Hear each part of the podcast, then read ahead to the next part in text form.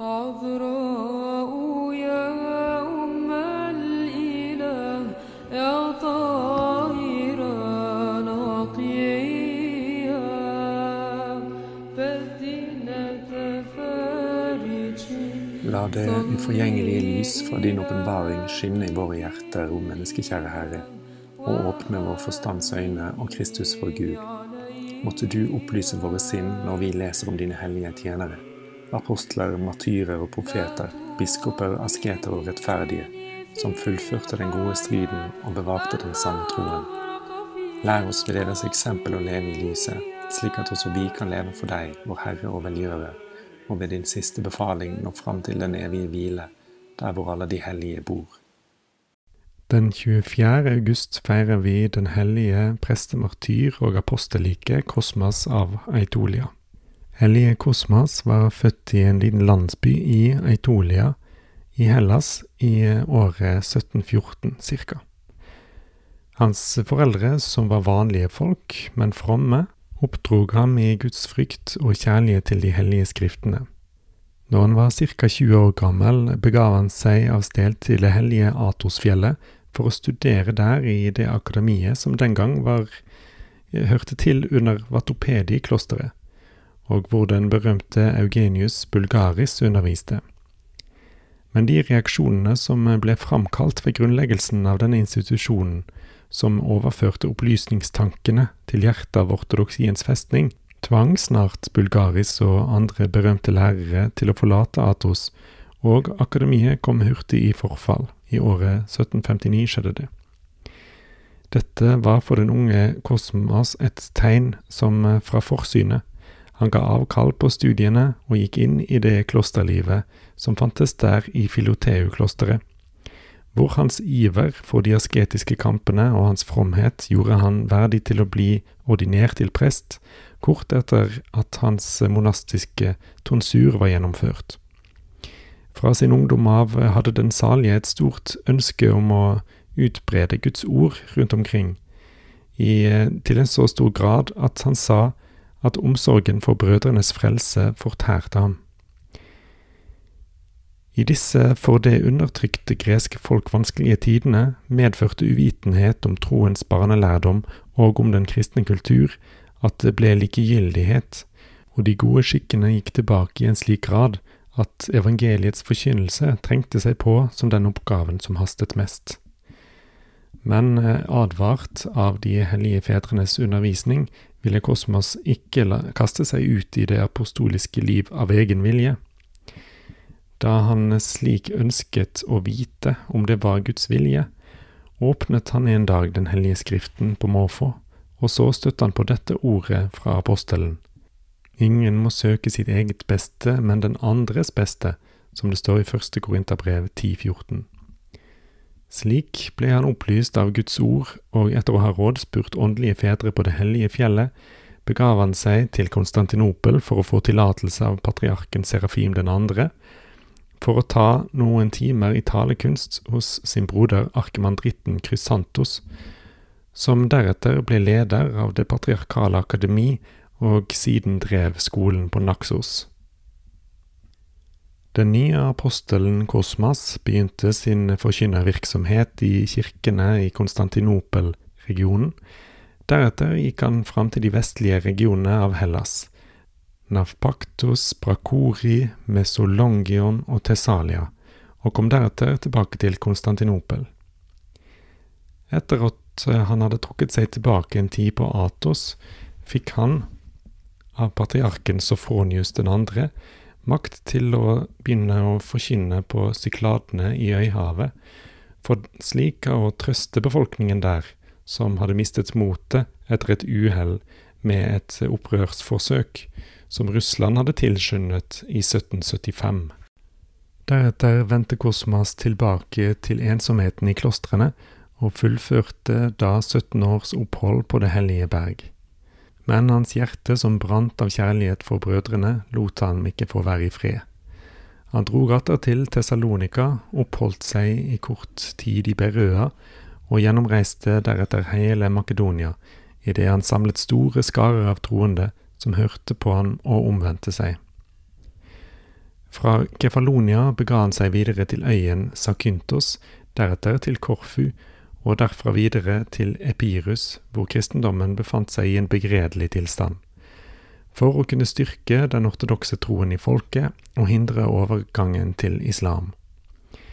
Ved hjelp av Guds nåde gjorde hellige Kosmas mange under i disse regionene, som inntil våre dager er gjennomtrenget av den gjenlyden av hans forkynnelse, og ved sine formaninger oppnådde han å gjenreise de kristne skikkene i landet.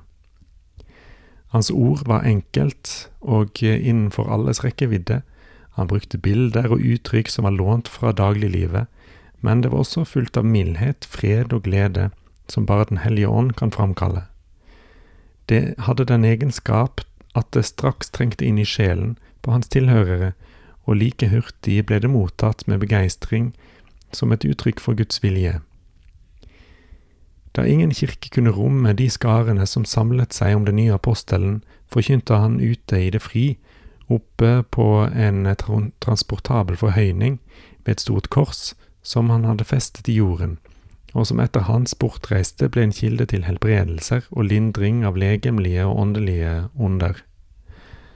Han underviste de kristne i å leve etter Kristi bud og holde søndagen, Herrens dag, ved å la de daglige gjøremålene ligge for å kunne reise til kirken og høre Guds ord.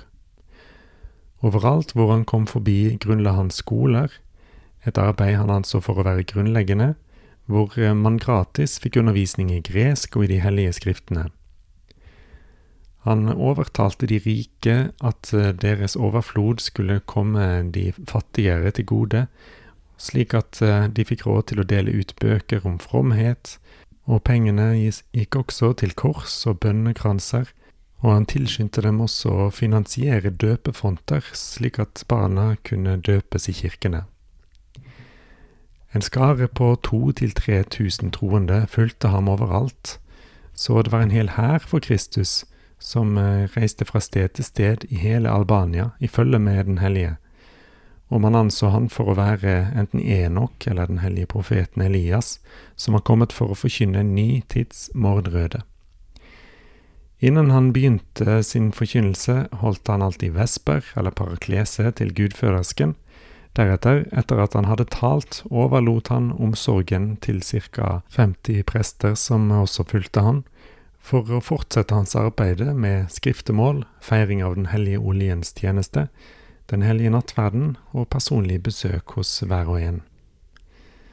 Skjønt Den helliges undervisning ikke hadde noe polemisk tendens, men begrenset seg til undervisning i de evangeliske dydene, oppsto det likevel etter hvert vanskeligheter. Da han hadde besøkt pashaen i Johania, fikk han store æresbevisninger av ham, men det var visse jøder der som eh, var opphisset av misunnelse og ble rasende etter at Den hellige hadde fått torgdagen flyttet fra søndag til lørdag, og de overbeviste pasjaen om å gjøre ende på hans liv. Kosmas hadde for skikk når han kom til et nytt sted, at han eh, først fikk den personlige tillatelse fra stedets biskop til å forkynne, og etter at han hadde fått det, reiste han til de sivile myndighetene for å sikre seg tillatelse der. Da han en dag var kommet til en landsby i Albania ved navnet Kolikontasi, hørte han at regionens pasha, som het Kurt Pasha, oppholdt seg ikke så langt derfra, i Berati. Tross eh, at han fikk råd om å være forsiktig, besluttet Den hellige selv å reise til stedets befullmektigede for å be om tillatelse til å forkynne. Denne meddelte han at eh, han hadde ordre om å bringe ham til Kurt Pasha.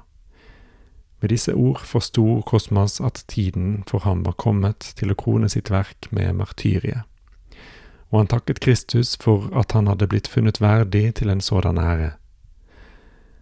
Den neste dagen, som var den 24. august 1779, eskorterte sju soldater han under den påstanden at de skulle føre han til pashaen men etter to timers eh, vei stanset de ved en elv og eh, sa til han at dommen om hans henrettelse allerede var falt. Full av glede takket den hellige Gud, velsignet med korsets tegn de fire verdensretninger, og brakte en bønn om alle kristnes frelse. Han avslo å få hendene bundet, for han kunne beholde dem i korsform, og uten å vise den minste motstand ble han hengt i et tre og oppgav sin sjel til Gud. Han var da blitt 65 år gammel. Da de kristne som var ilet til for at i deres fiskenett å oppsamle Den helliges legeme, som hans bødler hadde kastet i elven, ikke fikk tak i ham, skjedde det etter tre dager at en prest ved navn Markus, etter å ha hengitt seg til bønn, oppdaget det dyrebare relikviet som fløt på vannet, oppreist som om den hellige ennå var i live. Han ble tatt opp av vannet, og etter å ha blitt ikledd sin monastiske drakt, ble han gravlagt. Da skjedde det flere undere ved hans grav og ved hans relikviers berørelse. I 1813 lot Ali Pasha av Johanina, som hellige Kosmas hadde forutsagt ville få en strålende framtid, en kirke og et klosterbygg der ved graven hans. Og hans hodeskalle ga han i et relikvieskrin av sølv til sin kristne ektefelle Basilike.